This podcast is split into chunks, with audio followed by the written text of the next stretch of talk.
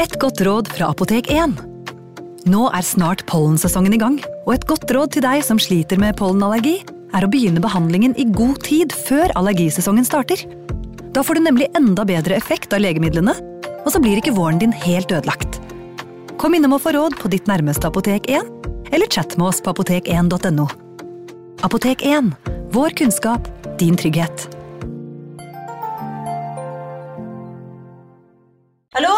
Jeg kommer fra Oslo politikammer. Ine Jansen er purk. Er du purk? The motherfucking bitch. Alt jeg vil, er å finne ut hva som skjedde med mannen min. Jon Carew. Er jeg sikta for noe? Iben Akeli. Det er du. Ole So, Lars Berrum og Big Daddy Karsten. Hvem sin side er du på, egentlig? Anette Hoff, Tone Danielsen, Kommer du fra Afrika? Jørnis Josef, Nesten. Kløfta. Trond Espen Seim, Det er synd å si det, men det var feil mann som døde. Purk. Premiere tirsdag på TV2 Play. Advarsel. I denne podkasten vil du høre historier basert på informasjon programlederne har funnet selv. Programlederne står ikke nødvendigvis inne for meninger og syn som fremstilles. Noen påstander kan avvike fra virkeligheten.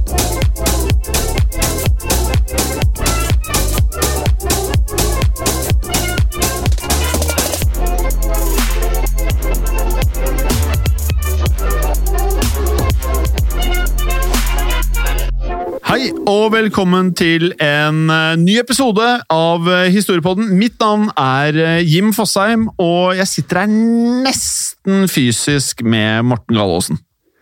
Ja, Vi er noen kilometer fra hverandre, men eh, takket være pandemivennlige hjelpemidler som internett og kommunikasjonsprogrammer, så kan vi fortsatt lage podkast, Jim. Ja, og så ønsker jeg da egentlig bare starte med og Vi lærte jo i forrige episode av Historiepodden om eh, julens opphav at øl står meget sentralt i feiring av jul. Ikke bare nå, men gjennom historien. Har du fått i deg litt øl nå i jula? Det er jo riktig å si at eh, også for min del så er eh, øl en relativt eh, stor del av, av denne høytiden. Ja, det har jeg lagt merke som, til. Som den også er av hverdagen og andre høytider, for så vidt. da. Men det er litt ekstra kos akkurat nå for tiden. Hva med deg? Ja, jeg, jeg vet liksom ikke. Jeg, jeg har drukket like mye julebrus som, og Farris som jeg har drukket øl, føler jeg. Kanskje Jeg vet ikke. Jeg, er jo egentlig bare sammen med familien. Jeg ser ikke noen venner som jeg vanligvis eh, eh, har pleid å gjøre. Hvor vi drar ut og kanskje feirer litt sammen, og litt eh, pinnekjøtt og litt sånn. Så det er vesentlig mindre øl enn tidligere år pga. situasjonen i riket. Men Det er for så vidt sant. ja, men eh, Hamars juleøl og Ås eh, eh, Hva er det jeg sier? Hamars julebrus og Ås sin eh, julebrus er liksom de to beste julebrusene for meg. De har jeg kjøpt én sixpack av eh, hver, og det har nytt mm. veldig. Og så har jeg fått i meg eh, familieribbe og tynnribbe. Store mengder surkål, eh, poteter og eh, gjerne litt sånn her eh, tyttebærsyltetøy eh, ved siden av.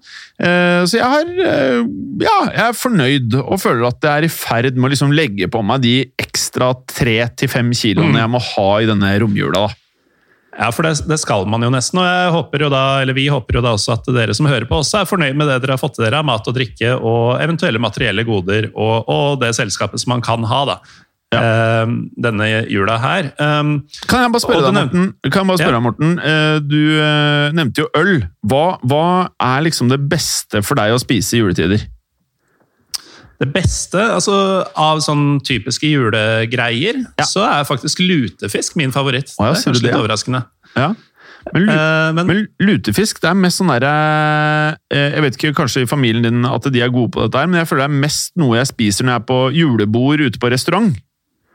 Ja, riktig. Nei, jeg har, eh, jeg har vokst opp med at det er noe man spiser eh, hjemme. Eh, Faren min er blodfan av lutefisk, og det har vært en ganske normal middag fra jeg var liten av. Så jeg, jeg har ikke den derre jeg, jeg har kanskje ikke den så høytidelige følelsen med, med lutefisk som mange har, da, inkludert deg. Men, Men, han kjører en ikke-gelé-variant, eller? Ja, han er ganske god på det, heldigvis. Ja. Ellers så kunne historien vært en ganske annen. Men apropos historie, ja. så nevnte jo du at eh, vi hadde juletema forrige uke. Ja. Eh, det- skal vi vel også ha i eh, dag? Helt riktig, eh, for eh, i anledning jul har vi i dag en eh, kuriositet vi har gledet oss veldig til. Og en kuriositet som vi ble tipset om på vår eh, Facebook-gruppe, som vi har sammen med Gangsterpodden og Krigsrevyen, som heter eh, Historie for alle. Og er du ikke medlem der, kom deg inn på gruppen. Del filmer. Jeg regner med at du ikke har eh, like mye å gjøre i jula som eh, tidligere år. Del forslag til historiske filmer. Trenger ikke å være historiske. Del hyggelige ting i eh, Historie for alle-gruppa. Bli kjent med andre som er interessert i historie. Og del historiske bøker, eller hva det nå enn måtte være. Det er en veldig hyggelig gruppe å være en del av. Ja, og som eh, akkurat dette tilfellet har vist, så er det jo også et sted du kan få innflytelse i Historiepodden-redaksjonen. Fordi eh, vi eh, Dere så jo åpenbart at vi spurte om forslag til temaer som passa i anledning jul. Og dere hadde jo veldig mange svar, og et av disse skal vi da ta for oss i dag. Og så kan jeg jo røpe om at vi også i nyere tid har spurt på Instagram-kontoen vår, som heter Historiepodden Norge. Eh, der også, og som vi gjør på Facebook, om tips til episoder om andre verdenskrig. For i 2021 så eh, blir det noen overraskelser og litt sånn, og andre verdenskrig er noe vi ønsker forslag til. Del dette også i Facebook-gruppen vår. Historie for alle. for alle. Veldig bra, Morten. Eh, vi fikk masse interessante forslag som definitivt eh, blir eh, episoder senere, altså fremover i tid. Eh, vi valgte selvfølgelig det vi eh, syntes var det mest kuriøse da, til denne mm, ultimate juleepisoden, og det ble historien om Krampus! Ja, og Krampus eh, høres jo for så vidt ikke noe hyggelig ut, men eh, det er jo for så vidt noe vi ikke er så kjent med her i Norge. Men en figur, eh, om vi kan kalle Krampus en figur, som har en lang historie i flere land i Europa. Ja, det stemmer. Spesielt i Tyskland og faktisk Østerrike er Krampus en skikkelse som går gjennom historien. Eh, Her blir historier om Krampus fortalt eh, ikke bare i jula, Morten, men gjennom hele året! Eh, Og når juletiden eh, nærmer seg, begynner små barn å grue seg. Av alle ting. Vi, vi, vi forbinder jo jula med noe man gleder seg til, men med Krampus så er det det motsatte av julenissen. Man gruer seg til å treffe på denne mystiske skapningen. Det, det er noe sånn spesielt sånn tysktalende over det å skremme barna til eh, jul. At, de, at skal bruke frykt og, og sånn. Burde vi uttale Krampus litt mer sånn Krampus? Krampus. Ja, vi, vi prøver det fra nå av. Ja. Uh, For Krampus er faktisk den slemme versjonen Åh. av julenissen. Ja. Bare enda skumlere og enda ondere enn du kan se for deg at den slemme versjonen av julenissen kanskje er. Ja. Um, Ifølge historien så reiser han faktisk rundt med julenissen, og de to kjører et slags uh, Nesten fristende å kalle det et good cop, bad cop-opplegg sammen. Ja, Litt sånn som det er meg. Uh, og hvis vi har lært noe fra de mange politifilmene Hollywood har eh, produ produsert opp gjennom årene, så vet vi at uh, dette kan være svært effektivt. Bare se på en av mine favoritter her, som er eh, 48 timer, eller 48 Hours, med Eddie Murphy og Nick Nolte. Har du sett den, Morten? Den har jeg sett for veldig veldig lenge siden. Likte du Eh, den filmen, Morten? Eh, Jeg gjorde det, og det er ganske tydelig for meg at det er Nick Nolte som er bad cop, eller Krampus, av eh, disse to. Ja. Det er riktig. Men selve Krampus, da, altså ikke Nick Nolte, men den østerrikske fanden, eller djevelen, som er halvt geit og halvt demon, han må vi beskrive litt. Han har Hørte du det jeg sa? Halvt geit og halvt demon? Ja, det, Det er litt av en blanding, altså. Hvordan ser dette ut? Ja, han har da sort pels, hoggtenner, spisse horn og en lang tunge. Altså det verste fra begge verdener. Han kan bli opptil to meter høy, som ifølge meg ikke er spesielt høyt. Nei, fordi du er jo Og har- større enn Krampus. Jeg er større enn selve Krampus. Ja. Eh, Men han har lengre og skarpere klør enn meg. Og jeg tror også jeg ser bedre ut eh, holdt på å si lenger ned på kroppen, for han har en menneskelig fot. mens den andre er en eh, håv. Ja, nå er den ene foten din, Morten, litt spesiell, men eh, ja, det ser ikke ut som en hov. Hvis man skal sammenligne med andre mytiske figurer, ligner han ganske mye på de greske faunene eller satyrene. Og som om det skremmende utseendet til Krampus ikke er nok, så er han også utstyrt med en sekk med bjørkeris og kvister. Ja.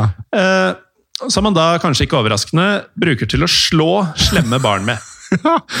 Og Krampus ble mm, oppfunnet for nettopp dette, å skremme slemme, fæle barn til å oppføre seg pent. Ja, og på ryggen så har han også en kurv som han putter de slemme barna i. Slik at han kan ta dem med seg til skjulestedet sitt, eller enda verre, til helvete. Dette er ikke en sånn veldig 2020-skikkelse, merker jeg, men eh, det er godt dette er historie og historie på den. Ja. Campos er eh, kjent for sitt notoriske lunefulle lynne. Og hvis han er ekstra irritabel, tar han med seg barn til den nærmeste elven, og mm, der skal det ikke bades, de skal druknes!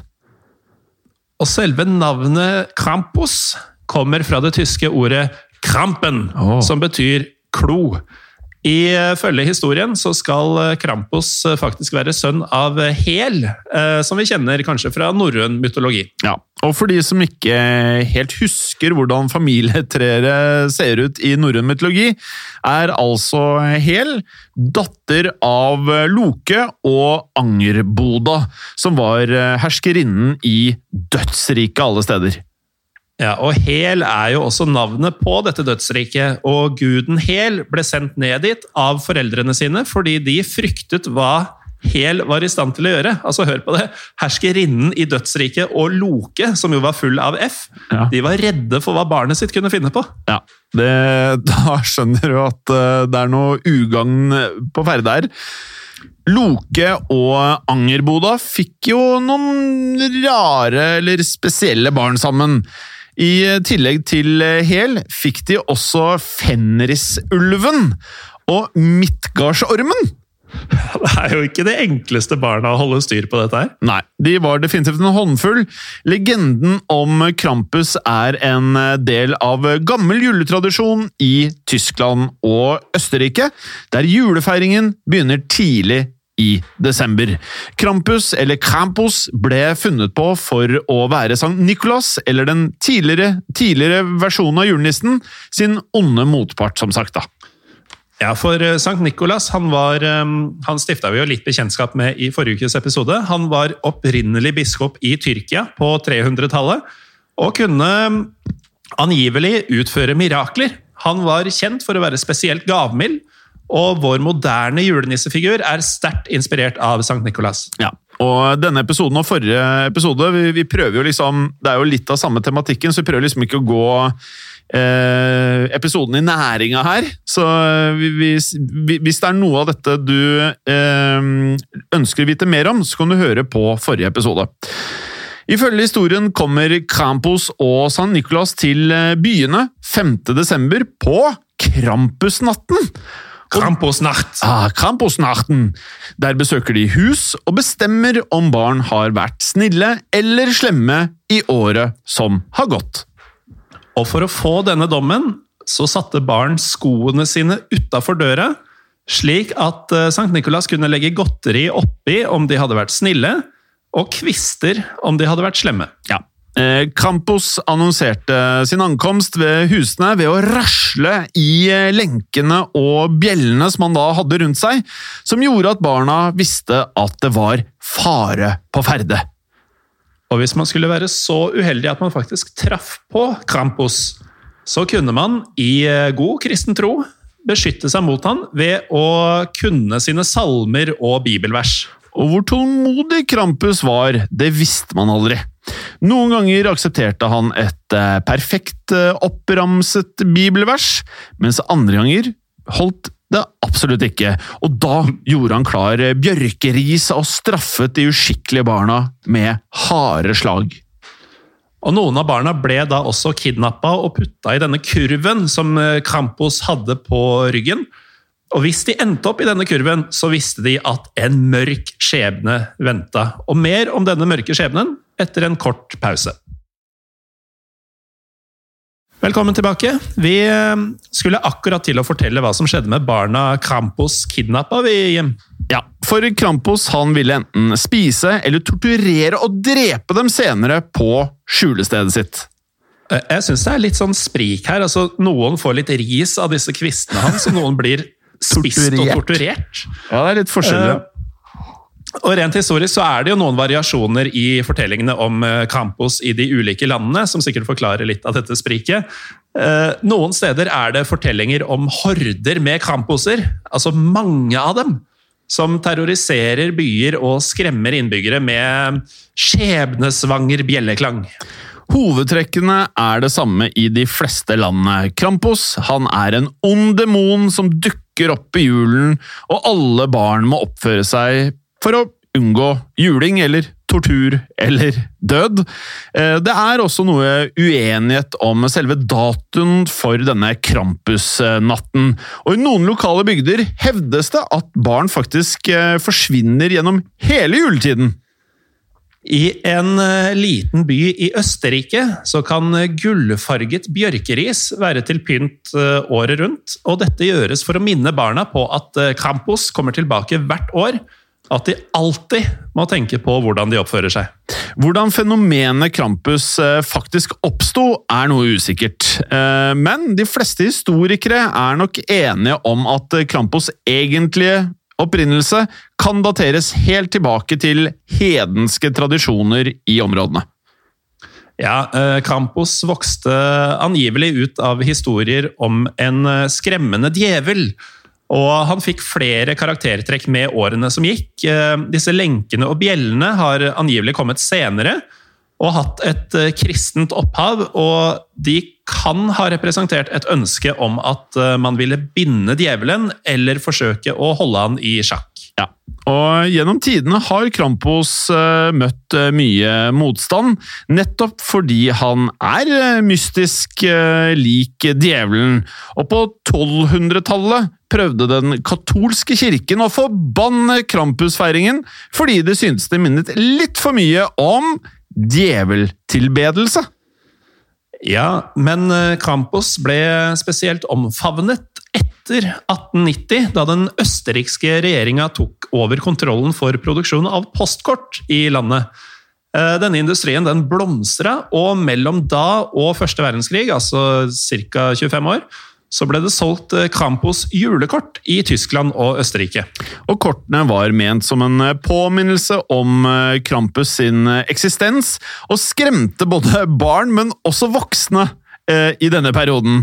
Eh, Mange av kortene var svært grafiske og viste Krampus som slo og kidnappet gråtende barn. Altså, hvem sender dette til folk? Sånn en, en hyggelig hilsen fra onkel Stormwaffe, liksom. Eh, vær så god, her har du barn som gråter og får juling. Um, noen av disse kortene var også litt sånn, litt sånn tullekort, uh, som viste at eh, Krampus uh, straffet voksne og fanget kvinner. Og med tiden så tok dette en litt rar vending, hvis man kan tenke seg at det kan bli rarere. Eh, og Campos han ble portrettert som en slags som en slags Don Juan, som forførte gifte kvinner. Og dette minner meg om noe, Jim, fordi vi nevnte at den var halvt geit. Husker du en annen litt sånn skitten, geiteluktende Don Juan som vi har snakka om tidligere i historiepodden? Nei Selve Rasputin. Ja! Eh, som jo også holdt på på akkurat denne tiden, hvor disse kortene Ja, eksisterte. Det er litt pussig. ja det er litt pussig. Kanskje du er inne på noe her? Ja, kanskje det var en uh, lenke der, at den sanne historien om uh, Rasputin, eller legenden eh, om Rasputin, eh, inspirerte noen av disse kortene. Det kan være, for på noen kort var eh, rollene reversert, og det var plutselig kvinnene som holdt bjørkerisen. Oi, oi, oi. Og det var nok ikke Rasputin fremmed for, mens Krampus ventet på sin straff. Ja, man kan jo tenke selv hva som var eh, ment her, da. Ja, og da ble jo dette postkortsalget rett og slett en braksuksess, og det viste seg at Krampus Campos han passa godt for alle målgrupper. Eh, og etter valget i Østerrike i 1932 ble Krampusfeiringen forbudt av det østerrikske konservative sosiale partiet. Krampus ble sett på som et symbol på synd, antikristne idealer og sosialdemokrater. Brosjyrer ble så utdelt der Krampus ble beskrevet som en ond mann, og foreldre ble også advart mot å traumatisere barna sine for eh, Krampus. Selv om jeg kanskje ikke er helt enig med, med de konservative østerrikerne på 30-tallet, så akkurat det siste er jo vanskelig å være uenig i. At det kanskje er greit å ikke prøve å traumatisere barna sine med vilje. Men likevel så holdt ikke disse vonde ordene om Krampus, og han fortsatte å dukke opp i juletidene som en fryktet, men merkelig nok høyt elsket figur. Ja. De senere årene har eh, tradisjonene rundt eh, Krampus tatt en helt annen vei. Og blant annet i Østerrike, Tyskland og Ungarn arrangeres det egne Krampusløp i juletida. Ja, og du nevnte innledningsvis at vi prata en del om øl forrige gang, eh, Jim. Ja. Eh, I disse løpene så jager folk, og da stort sett veldig fulle folk, eh, utkledd som eh, campuser. Uskyldige mennesker gjennom gatene som frykter eh, for å bli fanget av disse djevlene. Ja, Dette har blitt en eh, nokså skremmende tradisjon, og turister så vel som innbyggere vet aldri hvem som gjemmer seg bak de mange Krampus-maskene man da ser. Ja, og, og det er ikke snakk om sånne billige plastikkmasker du kunne kjøpt på ja, sånn tikronersforretninger. Dette er kvalitetsmasker. Som, altså, det er Ringenes herre-nivå på maskene. Um, og Det har blitt en stor kultur rundt denne utkledninga, og det lages intrikate og detaljerte Krampus-masker som, uh, som koster mye penger om du skal ha en skikkelig en. Ja, Men bare se for deg å bli jagd gjennom en eh, mørk alpeby på vinterstid, full av disse her eh, geitedemonene. Ja, og spesielt siden du da er der som turist, sannsynligvis, da, hvis det skulle vært en av oss, og ikke er klar over at dette foregår. Da, da skal du ha et ganske sterkt hjerte. Ja, eh, Foretrekker nok eh, julefeiringen eh, vi er vant med, Morten. Krampusfeiringen har faktisk fått eh, internasjonal oppmerksomhet de eh, siste årene, rett og slett fordi folk eh, vil finne nye og spennende måter å feire jula på. Og i USA har Krampus virkelig fått et eh, fotfeste, med egne fester, det er egne løp og ikke minst filmer, Morten. Ja, det er helt riktig. I um, 2015 så kom Hollywood-produksjonen Krampus, ja. som portretterer en lykkelig familie som uh, plutselig får besøk av en meget ond Krampus i juleferien. Jeg vet ikke hvordan eh, du er med skrekkfilmer, eh, Gallosen, men eh, jeg får litt sånne frysninger bare av å se traileren på Krampus. Ja, jeg, jeg, er jo veldig glad i skrekk, men det er et eller annet med å feire jul og det på en måte trygge varme med horror. Eh, Det er jo en, eh, det er jo en fæl kombinasjon. Altså, Det nærmeste jeg har kommet skrekkfilm eller horrorfilm i juletiden, er Husker du disse her gamle Gremlins-filmene? Ja, ja, ja. Det er jo altså når han derre Gizmo, altså hovedkarakteren i Gremlins, og for dere som er litt yngre, som dette er en 80-tallsfilm, mener jeg. Og den ble jo en eh, skikkelig hit. Så nerd er jeg at jeg faktisk sjekket um, Gremlins hvordan den gjorde på box office-listene. Og det var jo faktisk den fjerde mest innbringende filmen det året den kom, så det var jo en braksuksess. Dette er da en, en, en liten sånn Jeg må jo kalle han Gizmo, som er en gremlin. Altså et lite dyr eller en ja, skikkelse. Han er jo veldig søt og snill. Og så får han vann på seg, og da kommer det ut noen sånne djevelske demoner, altså utgaver. Ja, de er fæle, altså. Ja, de er fæle. Eh, men det er likevel en hyggelig film eh, til tider. Og så er det jo litt fælt til tider, men det er det nærmeste jeg kommer en sånn uhyggelig julefilm. Den ligger faktisk på Netflix, så et lite juletips til alle der hjemme som eh, ikke har sett de før. Gå inn, søk opp Gremlins, så får dere en litt sånn utradisjonell julefilm. Men da kan like gjerne jeg nevne en også, Ja. eh, som er noe mer obskur. Eh, Det er en nederlandsk skrekkfilm som heter eh, Sint, eller Saint på engelsk. Eh, Hvor det da er en ganske ond eh, julenisse som eh, terroriserer eh, ja, Nederland, da, i Ja. dette tilfellet. Er dette noe som kanskje ligger på Netflix? Det tviler jeg på, men, eh, men søk etter den på IMDb og streamingguiden, og sånn, så kanskje er man heldig. Tilbake til eh, Krampus, så er det ikke bare i film Krampus får uh, limelight. Han har også blitt portrettert i uh, Supernatural. Har du sett det? Uh, nei, det har jeg ikke. Nei. Grim og American Dad. Så det er jo åpenbart at Krampus har truffet en nerve i dagens populærkultur, da. Ja, det kan virke sånn. Eh, I Østerrike derimot har eh, man eh, høstet mye kritikk for å prøve å kommersialisere Krampus ved å selge både figurer og faktisk horn, og også Krampus-sjokolader. Og dette har blitt gjort i et forsøk på å da ufarliggjøre skikkelsen til Krampus, som folk egentlig er helt imot. Ja, For de mener at Krampus skal få være Krampus. Oi, Saturnalia! og for de av er dere som ikke har hørt for, forrige episode, så er nok det jeg sa nå litt på bærtur, men det er egentlig bare god jul. Eller hei, festivitas, på en måte. Ja, noe sånt. Eh, Igjen så må vi nesten bare anbefale folk å høre forrige ukes episode, hvis man ikke har gjort det ennå, for den syns vi var ganske gøy. Yep. Um, men det er da antatt at Campos i utgangspunktet var en del av hedenske ritualer for uh, vintersolverv, men uh, historikere har ikke helt klart å definere opphavet.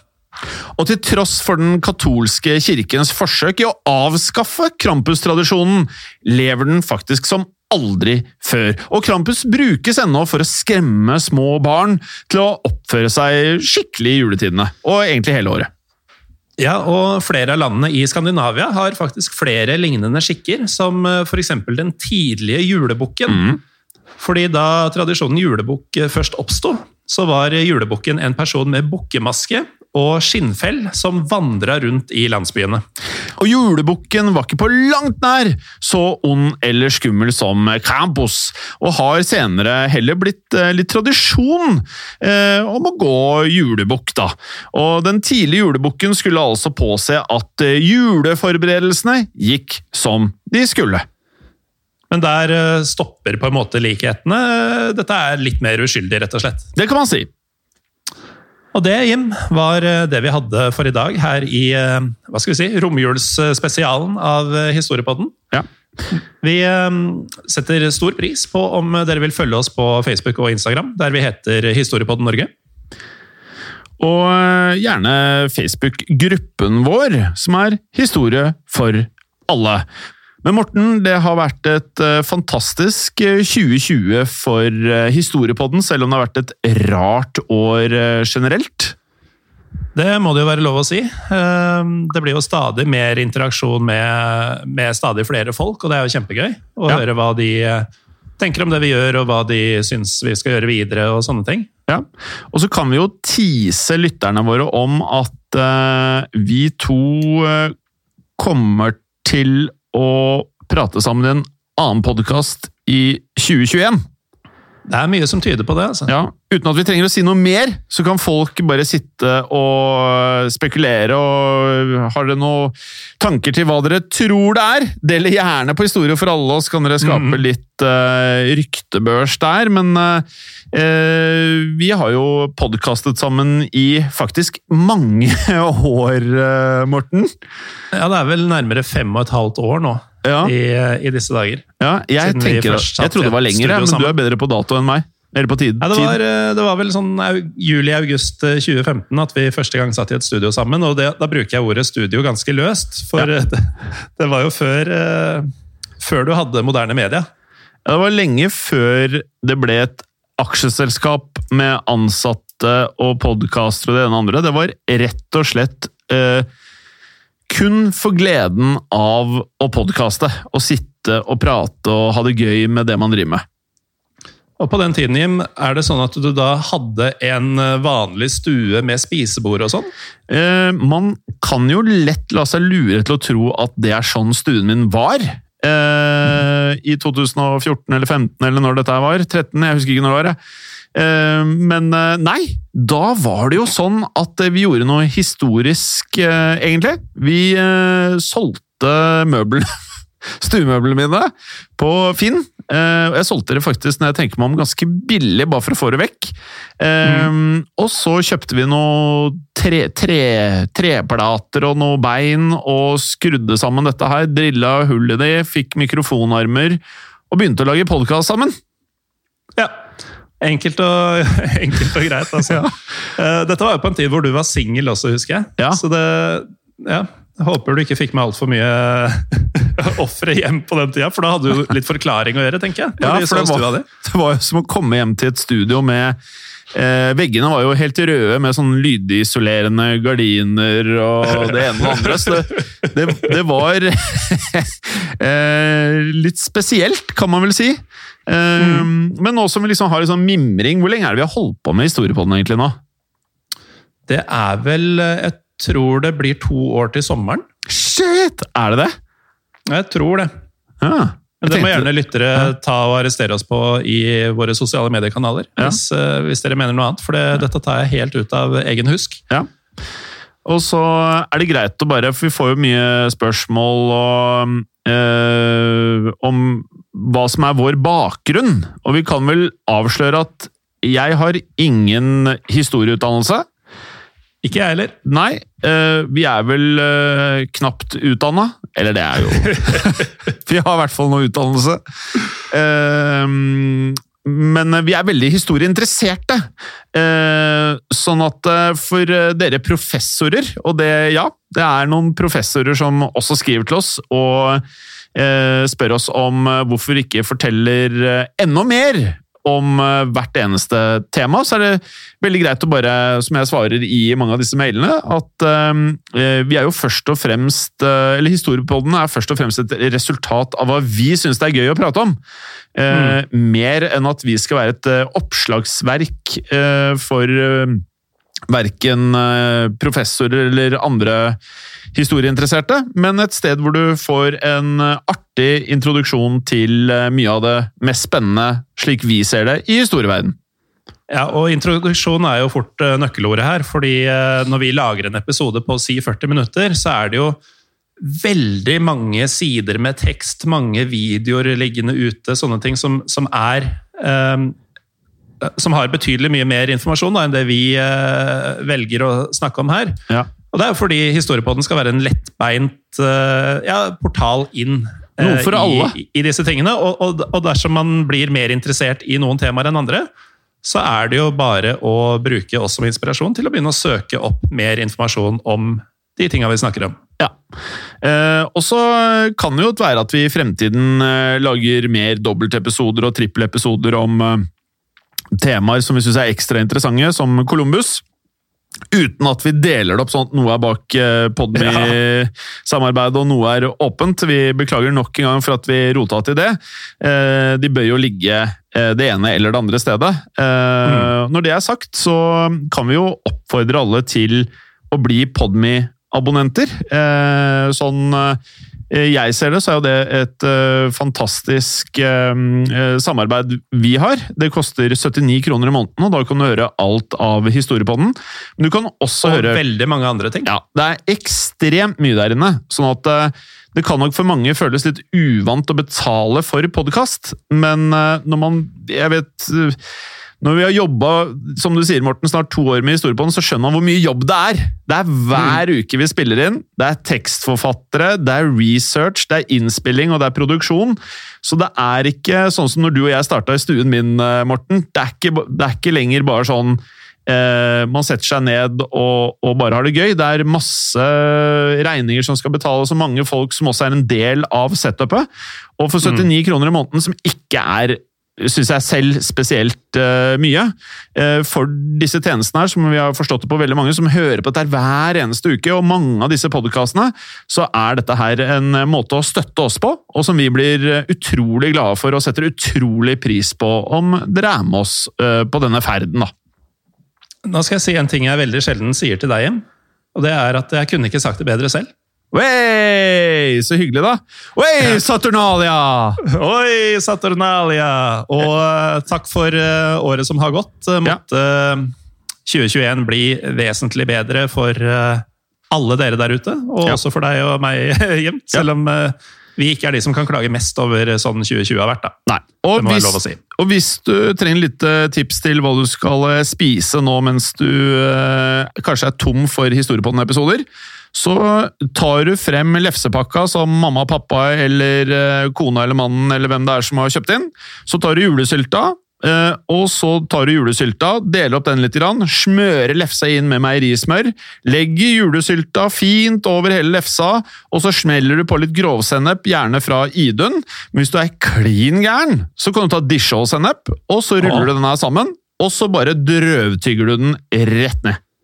Mm. Og hvis du syns det hørtes uh, godt, men litt mangelfullt ut, så prøv uh, enten litt sylteagurk eller litt finhakka rødløk. Ja. Gjerne begge deler, til samme greia. Ja. Det, det går jeg god for. Ja, og så kan du skylle det hele ned med Hamar uh, julebrus eller Ås julebrus, eller som vi har skjønt på de to siste juleepisodene våre, noe ordentlig brygg! Som man absolutt ikke vil at demoner eller døde eh, mennesker skal komme og stjele i juletiden. Helt riktig. Og da er det vel bare én ting igjen å si. Ja, men eh, nei, det er ikke det. Vi må, takke, mer, ja, vi må takke igjen. Vi må takke alle som hjelper oss. Vi må takke dere lyttere, først og fremst. Så må vi takke Ellen, som er med og skriver episoden. Vi må takke Martine, som er med og skriver episoden. Vi må takke Håkon, som produserer episoden. Vi må takke Felix, som produserer episodene. Så må vi takke Ragnhild, som er med og styrer med alt av annonsering for oss. Og også Silje, som er med og styrer med alt av annonsering for oss. Og så vil jeg takke deg, Morten. Oi! Da vil jeg også takke deg. Hey, det kom som en overraskelse og helt uventet.